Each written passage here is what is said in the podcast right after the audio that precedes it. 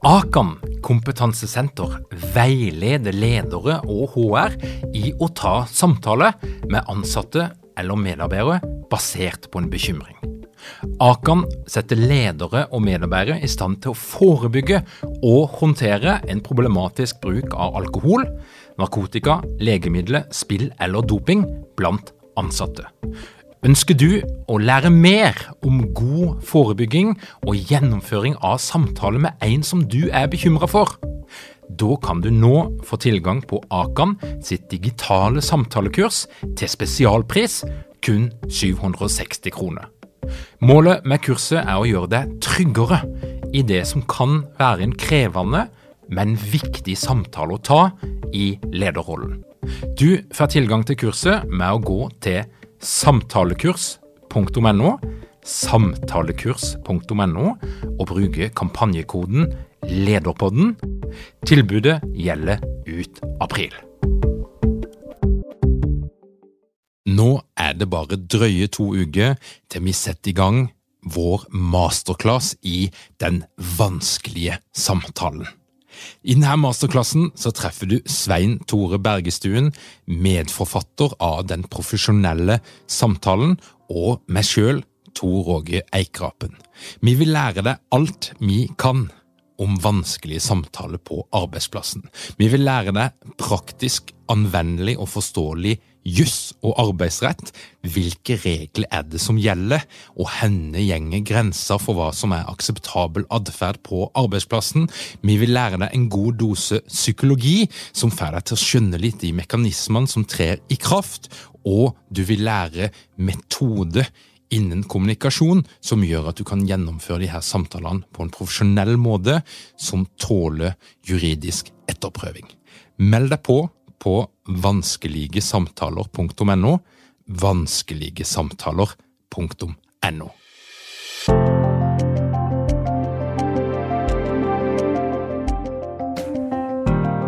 Velkommen til Lederpodden. Mitt navn er Tor Råge Eikerapen. Jeg jobber som organisasjonspsykolog og foredragsholder, og dette her er en podkast om ledelse. Er du en av de som kjenner at du er lei av at media framstiller det som at absolutt alle i dette her landet sitter på et heimekontor? Da er du ikke alene. Jeg får støtt og stadig henvendelse fra folk som ønsker at vi må snakke mer om de som ikke kan være på heimekontor, de som utsetter seg for risiko, de som lever i en uforutsigbar verden der reglene stadig endres. Og Derfor så har jeg invitert inn Renate Grønvold Bygge. Hun er en kjenning av dykken som jeg hører på Lederpodden. Hun var med i episode to, og endelig har fått en god grunn til å få henne tilbake igjen til studio. Renate hun er psykologspesialist både i klinisk voksenpsykologi og i organisasjonspsykologi, og hun er den psykologen i Norge, vil jeg påstå, som har jobba lengst med krise i organisasjonene. Hun har over 40 års erfaring med krise, og derfor så er det jo spesielt stas å ønske deg igjen velkommen til Lederpodden, Renate. Takk for det. Renate, du opplever jo som alle andre at uh, det som skjer nå for tida, det er noe som det er strevsomt, det er slitsomt. Og så tror jeg jo, jeg, jeg, jeg vil anta at som fagperson så gjør du deg noen refleksjoner om det som skjer, og klarer òg å putte det inn i en litt sånn annen sammenheng. Men, men hva tenker du må være det mest utfordrende for både de som skal gjøre jobben, og de som skal lede? Der det ikke er noe heimekontor. og Da tenker jeg spesielt på helsevesenet, jeg tenker på barnehagene, jeg tenker på de som jobber i skolen. Hva tenker du er det mest utfordrende med å være leder der akkurat nå? Det første jeg tenker på, det er jo at vi er jo vant til å legge opp planer. Vi har jo strategiplaner og vi har handlingsplaner, og kjennetegnet ved det er jo en langsiktighet. Og den situasjonen som vi har vært i nå i over et år, og fortsatt er inni, den er jo så absolutt ikke preget av langsiktighet. Det er uh, fra uke til uke, i, beste, i, i, verste fall, holdt jeg på å si, fra dag til dag. Og det i seg sjøl er en påkjenning både med tanke på å lede bedriften eller arbeidet som skal gjøres, og også ha et lederansvar for eh, sine medarbeidere. Og nå er vi jo rett før eh, helligdagene setter inn når vi, vi, snakker sammen her. Og i dag så hørte jeg på radio, og det er ikke første gang jeg hører det, men nå var det liksom med litt ekstra trykk. Både fra Sverige og fra norske sykehus og snakker de om at eh, de som jobber her, de er vant til å, å ta noen, noen, harde løft av og til. Eh, og vi er vant til de her spurtene, men nå begynner denne maratonen å føre til stor slitasje. Og en ting er kapasiteten i seg sjøl, men men, men, de som er på jobb, begynner å kjenne på klarer vi å stå dette her løpet ut, når vi aldri egentlig helt vet hvor målstreken er henne. Ja, akkurat det siste du sier, vi har jo liksom lengder før forhåndsavtalte lengder på maraton. Denne maratonen her har jo ikke hatt noe endepunkt. Så den blir jo fornya hele tiden, så du vet ikke hvor langt det går. Og det er jo akkurat da å tenke motivasjonsledelse for en som er i en ansvarsposisjon, og informasjonsledelse. Det er liksom to, to viktige ting. Informasjon, det betyr at lederen må jo hele tiden være oppdatert på fakta som gjelder i samfunnet, med tanke på den smittevernsituasjonen vi er i men også fakta i forhold til det daglige arbeidet. Vite noe om belastningsgraden i organisasjonen og i forhold til medarbeidere. Og vite, vite, konkret, ikke bare anta. Og der er det jo en utfordring. Hvordan kan man få til eh, tilbake, gode tilbakemeldingsrutiner? Det kan vi komme litt tilbake til etterpå. Men dette med informasjonsledelse, forholde seg til fakta og formidling, og så er det dette med motivasjonsledelse, hvordan få til det. Og da tenker jeg Hvis man på noe som helst måte kan få til å lage strukturer på starten av en arbeidsdag, på starten av et vaktskifte, og likeledes ha en mulighet for um, avslutning av dagens økt, enten det nå er etter en uh, skoledag hvor man skal hjem, eller det er et vaktskifte på sykehuset klokka ti på kvelden. Dette her med å ha, ha rapporteringsmuligheter for hva man har gjort, og hvilken tilstand man er i, det kan i seg sjøl faktisk være motiverende. For det i seg selv kan formidle at eh, arbeidsplassen bryr seg om det jeg holder på med, og ikke bare produktet av det jeg gjør. Og det er jo i seg sjøl altså motivasjon. Sant? En tenker jo Tradisjonelt så tenker jeg at eh, ja, en motiverende leder det er en leder som kommer inn med masse energi og la oss brette opp ermene, nå skal vi bare stå i dette her en måned til. Og så er det jo at veldig mange av de tingene som en da kommuniserer I disse dager så blir det jo en klisjé. Eller det kan jo veldig fort bli en, en, en ren provokasjon. Altså En skal veie sine ord og være litt forsiktig. For den overoptimistiske, positive lederen som kanskje vanligvis greier å motivere og skape energi i eh, et arbeidsmiljø, kommer litt til kort nå? Det er veldig ålreit at du nevner det, for jeg har, eh, har ikke vært så veldig overbegeistra for den type motiverende lederskap som det du beskriver. For det overser veldig ofte sorgpotensialet som medarbeidere kan ha for endring. For hvis det ikke er lov i en organisasjon å ha dager som er nedpå, uten at du får høre 'hallo, brett opp armene, gå videre', så er det egentlig et lite overgrep. Det kan også være et stort overgrep, for folk sitter med en Endringer skaper alltid en sorgreaksjon, og veldig ofte blir det oversett i organisasjoner fordi man skal gå videre. I denne situasjonen som vi er i nå, så blir så blir man fratatt den der oppmuntringsbiten og den kvikke motivasjonen. Men sorgbiten er jo der til fulle. Med læreren som ikke får lagt opp et program som en gjerne ville, med læreren som føler seg til kort, med sykepleieren som er dønn utslitt og er redd for egne foreldre og liksom det, det, Den biten, den, den blir så den blir veldig vanskelig for mange. Så i dagens situasjon tror jeg motivasjonsledelse vel så mye betyr at det er rom for å ta inn at det er vanskelig, men Det er et men. Ikke drukne i det. For der har du den neste utfordringen for ledere. Ledere som blir så opptatt av omsorg for sine egne at de kan risikere å glemme målsettingen for jobben som skal gjøres, og legge riktige strukturer. Jeg har jo veldig tro på at der hvor det er mest uforutsigbarhet, der er det mest behov for forutsigbare strukturer. Mm. Og det blir viktig i, de, i denne tida.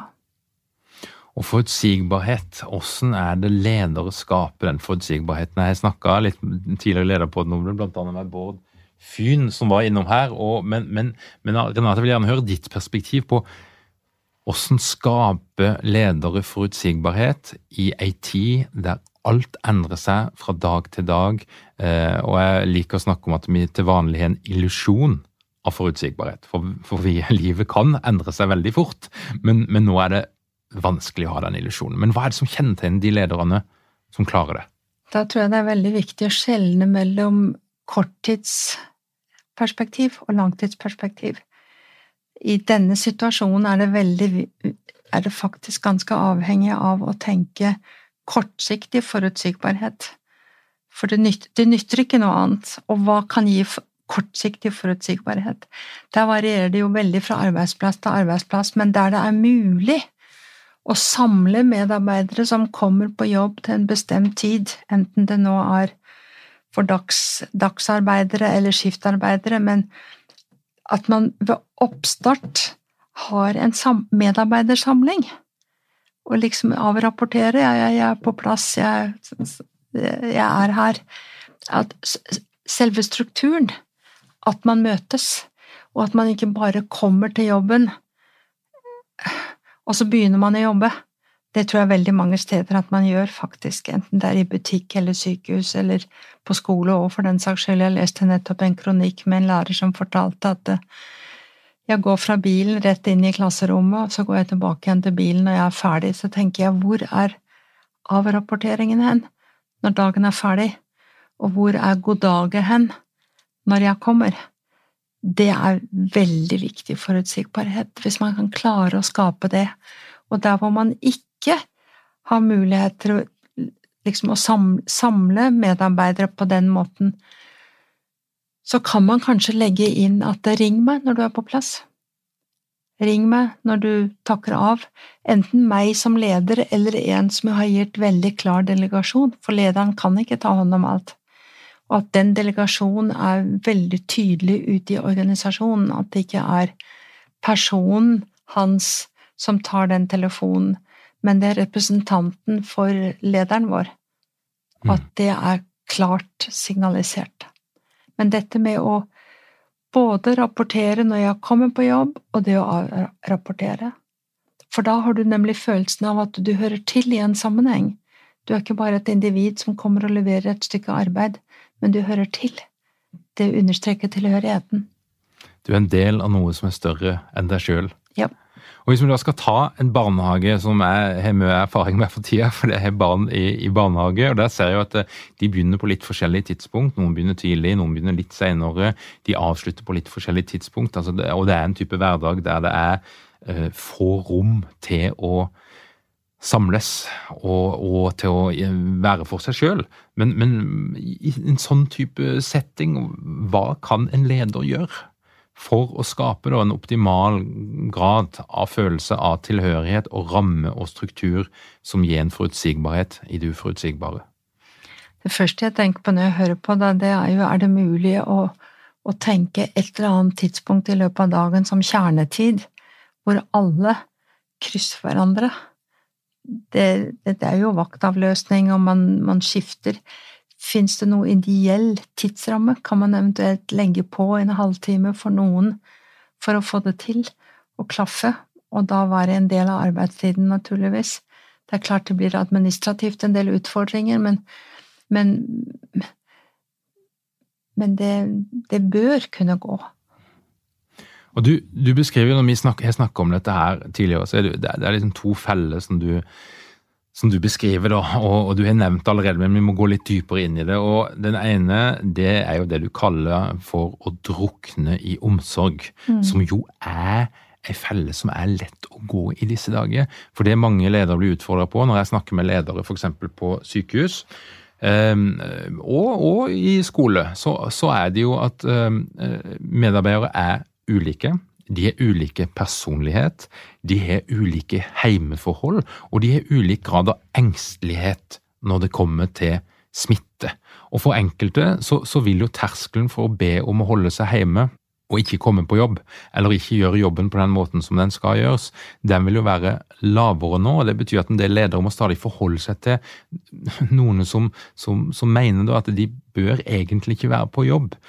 Og der lederen kommer i denne skvisen mellom å yte omsorg i henhold til omsorgsplikten, og det å styre, delegere, organisere arbeidet i henhold til styringsretten. Og den balansegangen der er krevende, og der kan en da havne i det du snakker om, altså der en drukner i omsorg og mister hele perspektivet knytta til styring og struktur, og, og, og, så er det jo den andre sida, der en mister totalt det menneskelige aspektet, men en blir bare opptatt av struktur og jobben og det saklige og formelle og oppgavemessige. Men, men fortell litt, hva er det som kan skje da når en havner i denne fella der en drukner sine medarbeidere i omsorg? Jeg har lyst til å begynne litt i den andre enden, for jeg har hatt veldig nytte av å tenke i tre ulike nivåer. Det profesjonelle nivået, det personlige nivået og det private nivået. Og alle som er i en arbeidssituasjon, skal jo levere et stykke arbeid. Og det er et stykke arbeid som skal gjøres, som lederen har en definisjon på. Og så er det lederens oppgave, som du sier, å tenke hvordan ser ressursene ut hos oss i dag? X antall personer, ja. X antall er, går for halv maskin. Og X antall er eh, toppytere, men viktig å ikke overforbruke dem. Så, så, dette med å tenke for lederen struktur og rammer og hvilke oppgaver skal løses, hvilke ressurser må til, hvilken struktur er nødvendig for å, å, å få dette til, hva, for å oppnå det profesjonelle. Og så har du det personlige som kan spille inn, at det har vært en dårlig natt hjemme, unger som har vært syke, krangel med ektefellen, mora er syk, et eller annet sånt. Det er jo det personlige som får påvirkning på jobben fordi jeg er redusert. Det hører hjemme at lederen bryr seg om. Og så har du det private nivået. Å begynne å bry seg med hvorfor ble det krangel mellom ektefellene? det er privat, det har ikke lederen noe med. Så det er noe med å og, og heller ikke medarbeideren å begynne å, å, bla opp om det på jobben. Det hører ikke hjemme på jobben. Har dere mange ledere uten trening eller utdannelse innen ledelse? Mangler dere en felles kultur og praksis for ledelse? Ønsker du å være bedre rusta for fremtidig vekst og endring? Da kan et internt lederutviklingsprogram være en god investering. I Execu så er vi eksperter på å designe og gjennomføre bedriftsinterne lederutviklingsprogram. Hvis du ønsker å lære mer om hvordan vi kan hjelpe dykken til å få enda bedre ledere, ta og klikk deg inn på execu.no.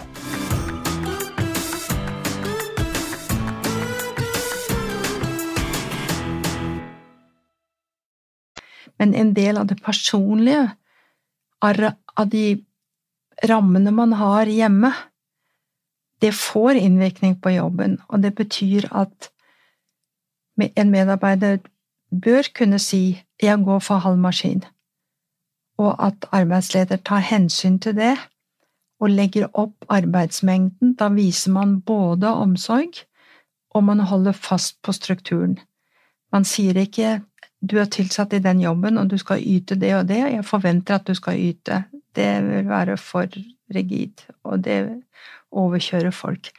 Men å, å lytte, høre hva som er på den personlige arenaen som får konsekvenser for jobben, og så legge opp til det. En leder som glemmer perspektivet jobb, og bare ser uff, så vondt at du skal ha det så vanskelig. Det, da, da, da, forsvinner jobbperspektivet, og da blir det ikke god ledelse. Jeg tenker jeg har selv en erfaring fra mitt liv som leder, hvor det var en medarbeider som visste at det kom til å bli en alvorlig sykdomsperiode, og kom nok og forventa at jeg skulle ha personlig omsorg, mens jeg som leder var opptatt av hvordan kan kontoret ditt fungere med arbeidsmengden når du er borte? Kan vi legge opp en strategi for det, for jeg trenger deg som har den oversikten, sånn at vi sammen kan legge en plan, men dine personlige bekymringer for sykdommen, den må du ta opp med noen andre. Det er ikke jeg den rette til som leder. Det er kanskje den erfaringen som har satt seg mest hos meg sjøl, som et eksempel. Og der du kommer i en skvis, kanskje spesielt som, som, psykolog, men jeg tror det er mange ledere som kan kjenne på det samme nå, at det er lett mm. å havne i en sånn dobbeltrolle der du både skal ha ansvar for det som skjer på jobben, men at du kan føle på et ansvar mm. for noe som egentlig ikke hører arbeidsplassen til. Mm. Mm. Men, men eh, hva, hva, er den ytterste konsekvensen da, av, av ledere som, eh, som gjenger for langt den veien? For du, du har jo hatt opplevelser knytta til det. Du, altså, hva kan skje hvis en mister fokuset på strukturen, det som faktisk skal leveres, oppgavene. Altså, du har jo blant annet, Dette her er kjent gjennom Aftenposten og andre steder, men du, du var jo tett på Arbeiderpartiet i årene etter 22. juli. Og der du hjalp Raimond Johansen nettopp med å holde fokus på struktur, på oppgave, på det som skal gjøres, samtidig som det er en god del mellommenneskelige og psykologiske behov som skal ivaretas, men, men, men som ikke nødvendigvis er de samme personene som skal ivareta. Ja, han har jo gitt en del tilbakemeldinger på det at akkurat dette med struktur og roller var viktig å ha, å ha fokuset der, men jeg tenker jeg har også et annet eksempel fra en bedrift som var ramma av en stor ulykke, hvor hele ledelsen ble så opptatt av å bistå de som var berørt, at de glemte langtidsplanleggingen. Så de måtte faktisk innstille en del av virksomheten når sommeren kom, for de hadde glemt å planlegge langtids. De var så opptatt av omsorgsbiten i det korte perspektivet. Og da snakker vi jo om at hele organisasjonen i en sånn sammenheng blir omdefinert fra å være å ha fokus på primæroppgaven, hovedoppgaven sin. Det er å levere et stykke produkt som det er definert at det skal gjøre. Glemme den biten og tenke på velferd og omsorg til de ansatte, og da forsvinner fokuset på produksjonen. Og, og jeg tror det er veldig viktig å, å, rydde opp i den måten å tenke på, for man har så lett for å tenke at når man tenker struktur og mål og strategi, så, så blir det noe umenneskelig. Men jeg tenker at det, gode, forutsigbare strukturer som vi snakket om i stad, hvis man kan skape det, så er det en kjempegod personalomsorg. Fordi det gir trygghet, det gir en opplevelse av tilhørighet, og det gir faktisk et korttidsperspektiv på forutsigbarhet. Og det er personalomsorg. Og da behøver jeg ikke å vite hvordan Anne har det privat. Og Renate, du har jo vært deltaker i en del av de tingene som vi har gjort knytta til kriseledelse. Og det har ofte vært altså Kriseledelse var jo når, vi, når koronakrisa traff landet, så snakka vi om kriseledelse.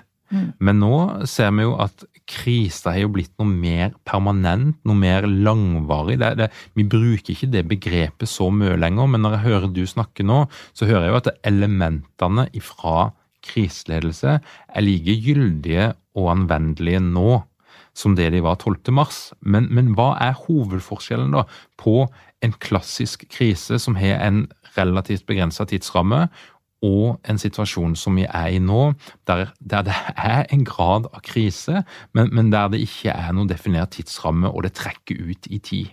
Hva er forskjellen? Først så vil jeg si ordbruken. Krise er jo definert mer som en akutt situasjon som avtar over relativt kort tid. Tenk Gjerdrum, for eksempel, leirraset er jo en kjempekrise og holdt på i uker. Men hele samfunnet fortsetter jo å leve i en påkjenningssituasjon. Men, men selve krisen er jo slutt, hvor du har uforutsigbarheten og ikke vet og alt dette her. Og hvis vi da tenker på denne pandemisituasjonen, så er det jo påkjenningen. At man lever i, i, i påkjenningen. Man vet ikke hvordan jeg skal planlegge neste uke, neste dag, hvordan jeg kan jeg se medarbeidere, er de sjuke? Men, men, elementene felles, det er jo Det første jeg vil tenke på, det er usikkerheten. Og, og ikke, ikke, ikke, vite. Det er også en god bit av eh, engstelse. Eh, blir jeg smitta? Er jeg smittebærer? Det kan jo veldig fort komme opp i en medarbeidergruppe som møtes på jobben. Jeg har i hvert fall hørt flere som har sagt at den store skrekken er å etterpå i en eller annen sammenheng få høre at man har vært smittebærer.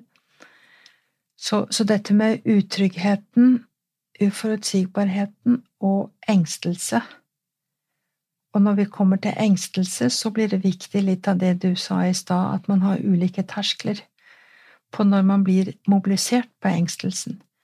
Noen har kanskje med seg mye i sin private historie, som vi snakket om i stad, som gjør at man blir lettere mobilisert på å bli engstelig enn en annen som har hatt det mer rolig rundt seg og, og har kun fordøyet ting man har vært oppi, og vite at Men jeg klarer det.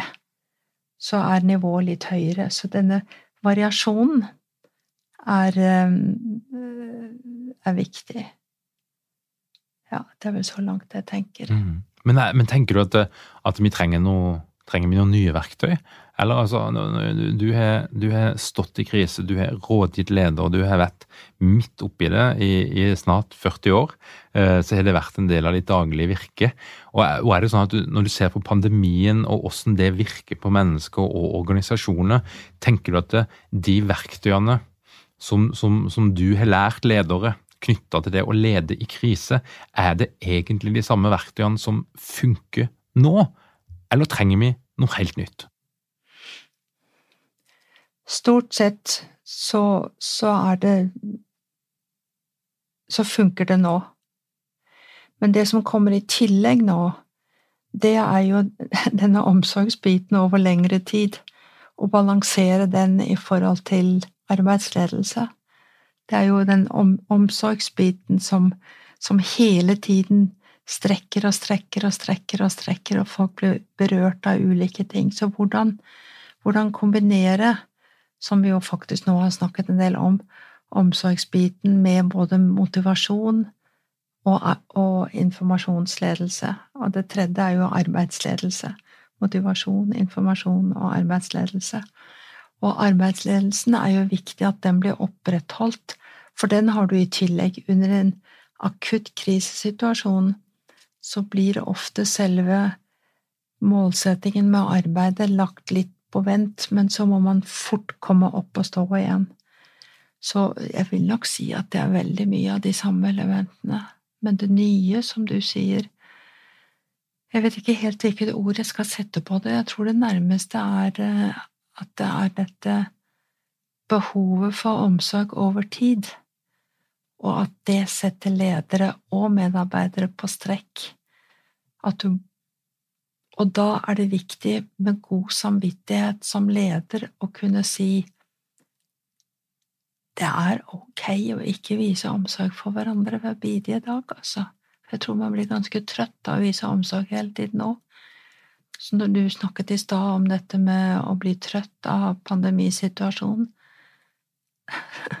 så kan du Jeg har ikke tenkt på det før, men det kommer opp nå at jeg faktisk kan bli litt trøtt av hele tiden å lure på hvordan folk har det. At det er lov å ikke Du blir ikke umenneskelig fordi om du ikke hver bidige dag spør hvordan det går det Det får du ikke ordentlig svar på likevel, for de fleste holder det personlige for deg. Eller det private. Men at man i tillegg har et åpent tilbud hvor man kan be om en personlig samtale. Den, den åpningen. Men da, da, er det også litt mer styrt. Da er det som en del av en tilbudsstruktur for medarbeidere. Renate, tidligere så vi snakka litt om uh, litt av det som du sier nå, og jeg må først presisere at jeg tror det er veldig mange som syns det er godt å høre en erfaren psykolog si akkurat det du sa nå. Det er jeg helt sikker på, for vi lever, vi lever jo i det som vi har snakka om litt som et sånn terapeutisk samfunn, altså der psykologer får større og større innflytelse. der den, Vi snakker mye om følelse, omsorg, og, og det er godt, og det er bra, men det kan ta litt overhånd òg. Ja. Eh, det kan bli for mye av det gode, og av og til så har en jo erfaring om at det å ha et sånt omsorgsfokus som gjenger for langt, det kan virke mot sin hensikt. Altså det kan gjøre ting verre enn det å holde fokus på hva er det faktisk vi er her for, hva er det vi skal gjøre i dag, strukturen, det konkrete og det håndfaste. Mm. Og Har du sett det i, i denne her, hvis vi ser i aviser og i samfunnsdebatten, og, og, og, og syns du da er vi i løpet av pandemien er, er vi for langt på, på omsorgssida, eller, eller hva tenker du? Noen ganger, men, men jøye meg, folk har jo veldig mye fokus på jobb, er jo veldig seriøse på jobb.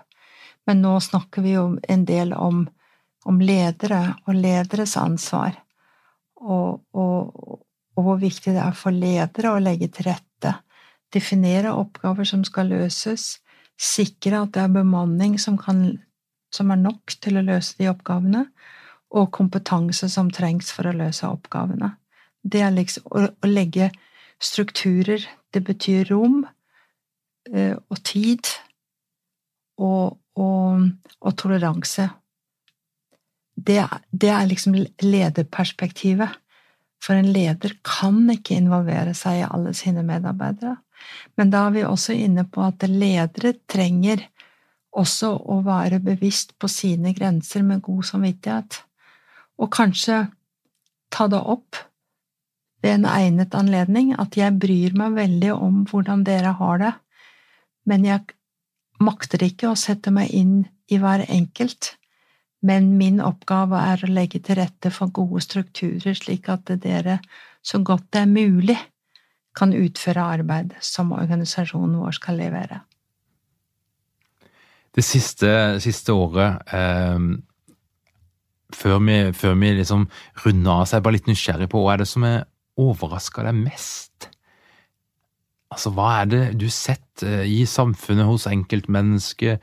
Eh, du har eh, en enorm erfaring fra ulike kriser, du har jo sett det meste. Men det, det betyr jo at du kanskje hadde noen slags innebygde antakelse om hvordan vi kom til å respondere på en pandemi. Men er det, er det noen ting som, som, du vil trekke spesielt fram, som har overraska deg? Det jeg har tenkt på noen ganger. Det er jo nesten sånn at jeg ikke våger å si det høyt, men, men jeg tenker at det jøye meg Det blir lagt så skrekkelig mye vekt på negative forhold. Det er Og det skal ikke under en stol på noen måte, dette med vold i hjemmet, familier som er tett på hverandre Det er liksom det negative som får veldig mye plass. Og det syns jeg har vært litt trist, for midt oppi det så er det faktisk en del positivt. Folk har oppdaga at det går an å kommunisere på helt andre måter. Det går an å være sammen selv om man ikke flyr rundt halsen på hverandre hver gang man ser hverandre. Det, det, det har skapt mye nærhet, men det er sånn at det, de som har opplevd positive ting i denne tida, kan jo nesten ikke komme ha mot til å komme til orde, for det blir jo en slags forrædere, for det er jo så veldig elendighetsbeskrivelse. Og, og, for all del, misforstå meg rett, det har vært vanskelig, og det er vanskelig, men jeg har jo noen ganger tenkt at det er særlig her oppe i Norge vi lever så privilegert. Vi har det så bra At det kan bli en psykisk slitsomhet på grunn av situasjonen, det kan jeg absolutt forstå. Men vi må være forsiktige, ikke sylte hverandre ned i elendigheten. Renate Grønvoll Bygge, tusen takk for at du kom til Lederpodden. Takk for at du hører på Lederpodden.